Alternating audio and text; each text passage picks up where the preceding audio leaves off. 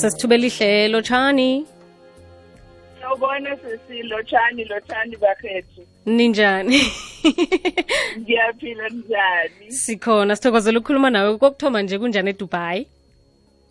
Hey sisi mina well kumnandi kumnandi kumnandi kakhulu. Kusebusika njengamanje so umuntu ufake eze nokuhamba emnyango.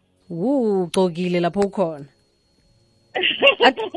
Angigqokile kakhulu kuya ku- ku- kubanda kahle ukuthi ukwazi ukuhamba eminyango ngoba ihlobo lishisa kakhulu. Kuba oh ngo-58 degrees into enjalo. you and vane ube lapho ehlobo lithi 58 degrees Eh yeah ngesinye isikhathi siyafika ku-58 um mathi nenhlanhla kuba u-48 yu a-a angidizi edubai andizi ngirayide esouth africa sasithubela ihle sitshela ngawe nje kafeaturesana ngombana naku ubonile laphana sipostako kufacebook ukuthi sifuna umuntu ohonileko ukuthi aphume ebudlelwaneni lapho ahlukumezeka khona kho sitshele nje ukuthi before umtshato um, ubaba wakwakho bekanjani bekunamathwayo nawo ukuthi mhlambe uyi-abuser uyazi um ngiye ngithi sesibusayo uma ngabe bengazi lokhu engikwazi manje ngalesiya sikhathi mm.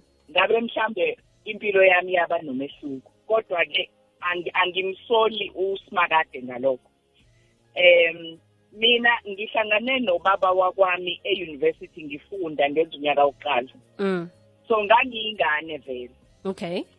And um umuntu engashada naye nomuntu engamdivorce abantu abathathu abahlukene. Oh abafani mm. Ake ngikutshele nje ngikunike isibonelo mina umuntu engangishade naye engangithandana naye Mm. waye sweet enomusa ukhulumela phansi yabona ubhuti okholwayo Mm. eh futhi engabheme ngaphumi okay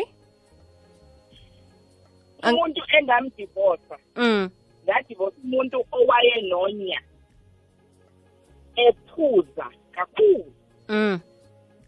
And engenazo engenalo ngisho uzwelo lokuthi-ke uzwelo lolu lokuthi ngiwumuntu nami Mm. nje ngumntana omuntu yabona?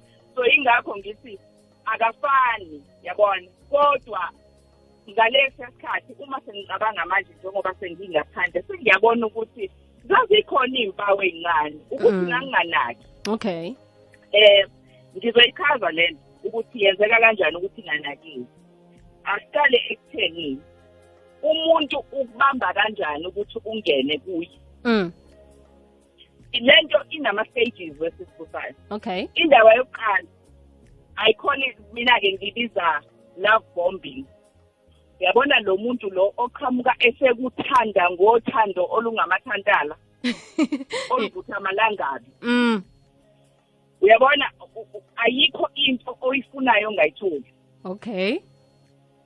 And uprotective ngale ndlela yokuthi eh uyabona uma ngabe kukhona nje umuntu ongathi uyakusukela uyena ogxuma ayibambe kuqala into mm. wena ungakasho lutho. Okay. So uyakuthanda ukunika yonke into.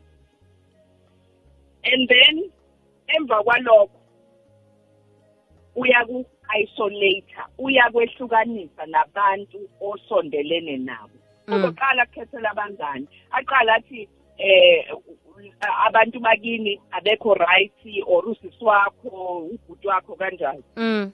and then iqhubeke angithi manje-ke usu- usungenile nawe usuzwa yena ngoba uyakuthanda lo muntu ukukhombisa ithando Bese. number one mm. ehe and then emva kwalokho uyaqala-ke izinto ey'ncane la lapho-ke useyaloku ekununza nje kancane ube ukuzethemba kwakho uyakununza nje uyakununza aqala umuntu athi yazi kodwa um lesi siketi sakho busayi siveza lamagwebho Mm. siyeke. Eh angithandi uma ugqoke ibhulukwe angithandi uma ugqoke isibhebhe Mm. angithandi uma ugqoke ini nani yabona Mm. so iyaqala kancane-ke lento manje iyasinunza ukuzethemba kwakho. And then iyanyukela iye kwi-emotional abuse. La khona umuntu esezoqala khona-ke sibize ngamagama. Mina umyeni wami wayethi ngisilimi Mm. Mm. alisho nje. Yabona manje sithi yena ngiyadinga ukuthi ungitshele ukuthi uyangithanda ngiyadinga ukwazi nokuthi ngikhunjuzwe kuwe ukuthi uyangithanda. Athi ngakutshela mhla sishada kanti ufunani? Uyisilima wena ufuna ngiphinde into eyodwa okay sis eh thubelihle ke. Eh usasithatha step by step nje. Ke ngibuyele emuva la usithome khona ukuthi lo muntu owahlangana naye akusesengilo owamdivosako. Kwenzekani le eyamenza wasela ngoba bewukhona nakathoma ukusela? Kwenzakalani? Kwaba into yokuthi useyindoda manje so kumele enze izinto zamadoda. Okay. And amadoda ayaphula. Alright akusike ukuthi mhlambe kube nesahlakalo esimenzakalelako then wathoma wasela? No. Mm. Never. Okay. it was just kwaba nje ukuthi izinto zamadoda lezi njengendoda uselindeleke ukuthi naye amanye amadoda mayiphuza makaphuza okay. Alright asiragele phambili into ke yokuzijabulisa. Mm. Bowusakhuluma ke nge-emotional abuse. Yes yabona i-emotional abuse is where umuntu a- a- a- aku- akuphihliza khona ingqondo yakho. Ungena emqondweni ukuthi uqale manje uzizwe ngathi awu- awuphilanga kahle ngasekhaya mm. Sengazathi wena lezi zinto ozifunayo ufuna vele izinto ezingatholwa muntu aza kubuza ukuthi ngani yakho wena uzoba njena kuwena kweminye imizi kungenjalo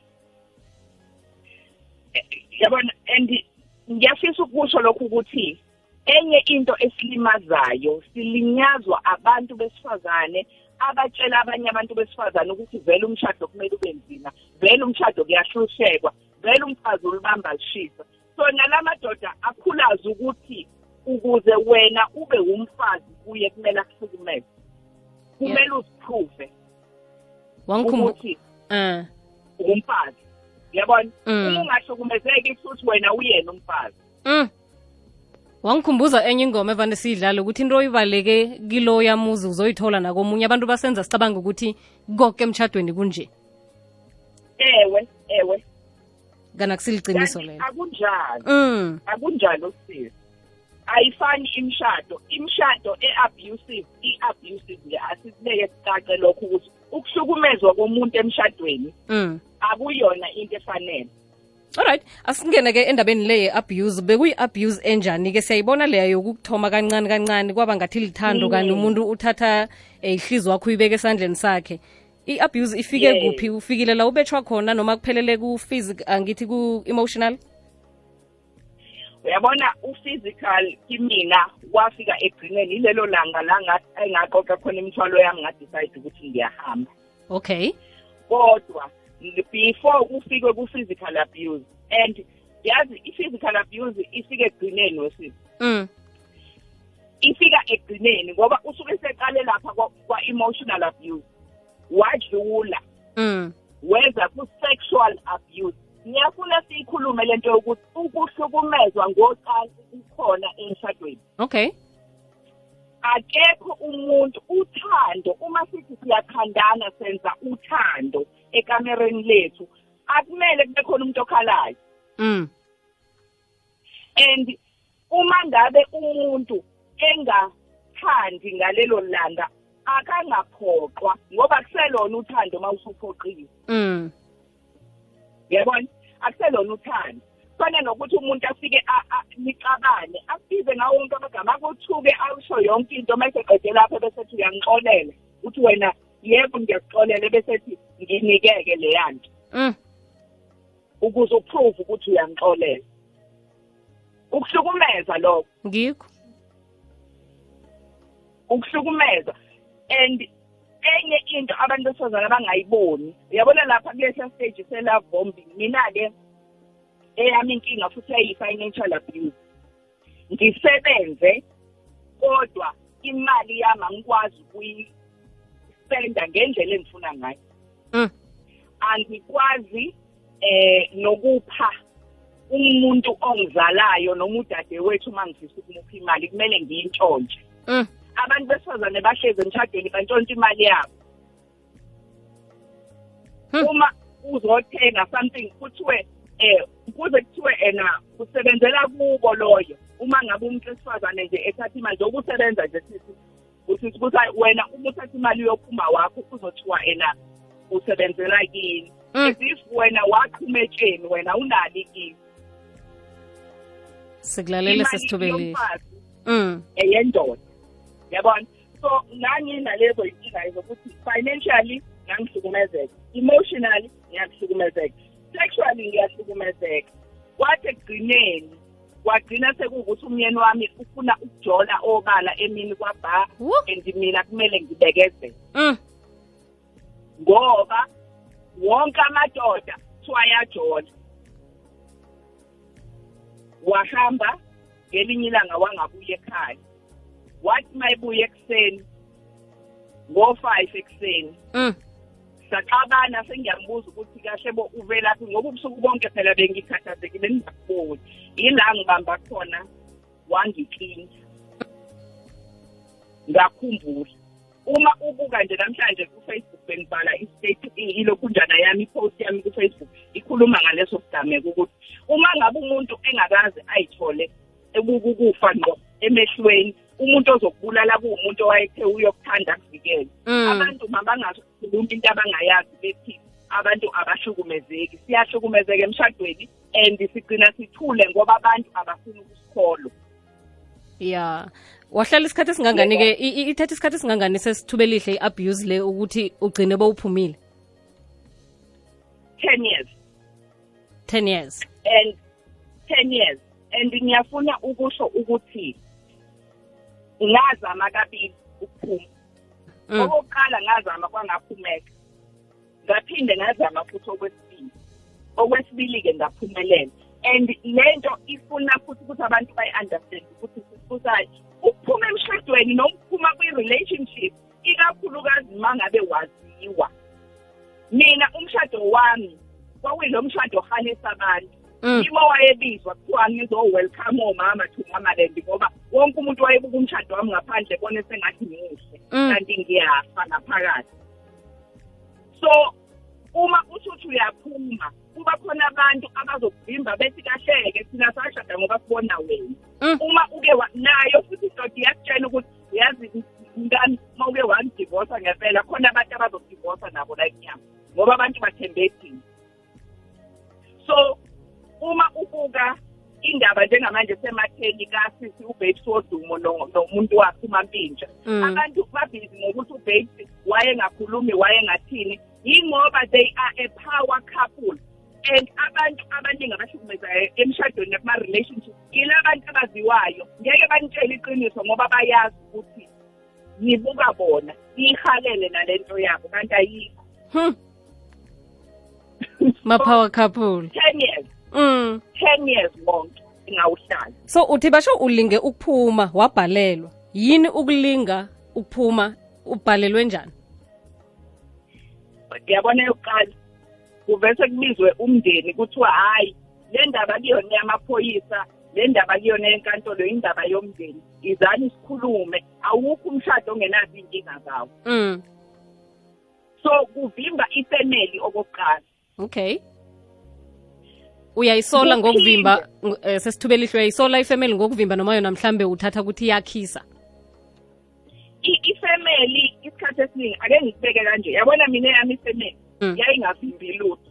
Ngoba eyami kubaba wami nje wayengizala wayesho ukuthi uma kungekho right mntanami uyuze ekhaya ngicoshanga okay. Kodwa ifemeli yakomkhwenyana iyavimba. Ivimba hayi ngoba ifuna ukwakha. Ivimba ngoba naba bafuna ukudila nalo muntu wabo. Okay. And bayamvuna umuntu wabo ngoba nabo kwesinye isikhathi bajwayele. Kujwayelekile ukuthi amadoda ahlukumezayo aphume emzini lapho na vele abantu besifazane abahlukunyezwa khona. So abayiboni nento erong abayiboni ngesinye isikhathi. Ngesinye isikhathi bafuna ukuye nje ngoba basaba ihlazo lomndeni so Mm. kakhulukazi ngiyabasola and ngiyafisa ukuthi abantu uma ngabe umuntu wesifazane eza kuwena mama kwiza buti wasemzini ezothi umfweni uyangihlukumeza phuma ekutheni umfweni lo awucabanga ukuthi uma ngabe bekuwo kumunye bekuzoba njani mm.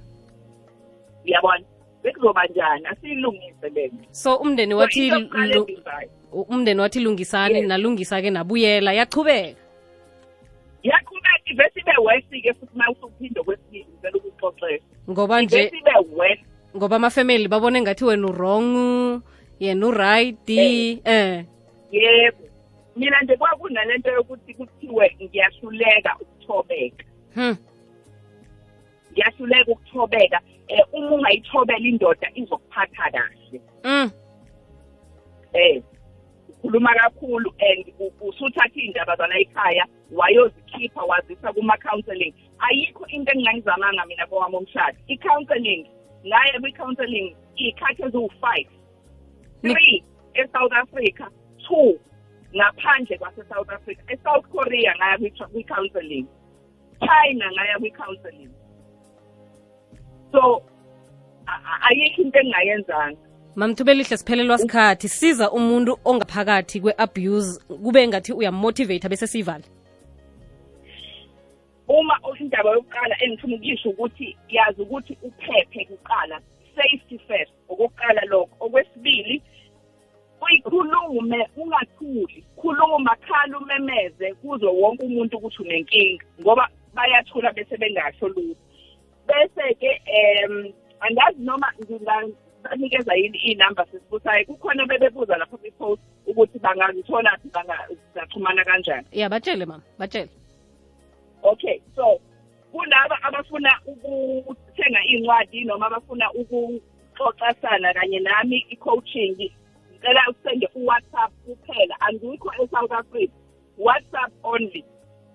Zero six two 062 sesithube asiyibale kabuthaka 062 62 62 54 54 981 981 yebo. Enye u 083 083 252 252 61 61 73 73 yebo bazokuthola lapho ngewhatsapp. Bazongithola lapho ku-whatsapp kuphela ungafoni ngeke lungene. Okay mama. Siphelele isikhathi ubhale nencwadi uza kucoca ngencwadi sinehlelo la kureviewa khona iy'ncwadi mhlambe baza kubiza yeah. sowula e-south africa ngelinye lamalanga. Yebo ma nangambala kuyaphumeka ku-abuse umzwile uma uthubelihle akhuluma ngamathwayo nokuthi thoma njani nokuthi ekugcineni phuma kodwana uthe safety first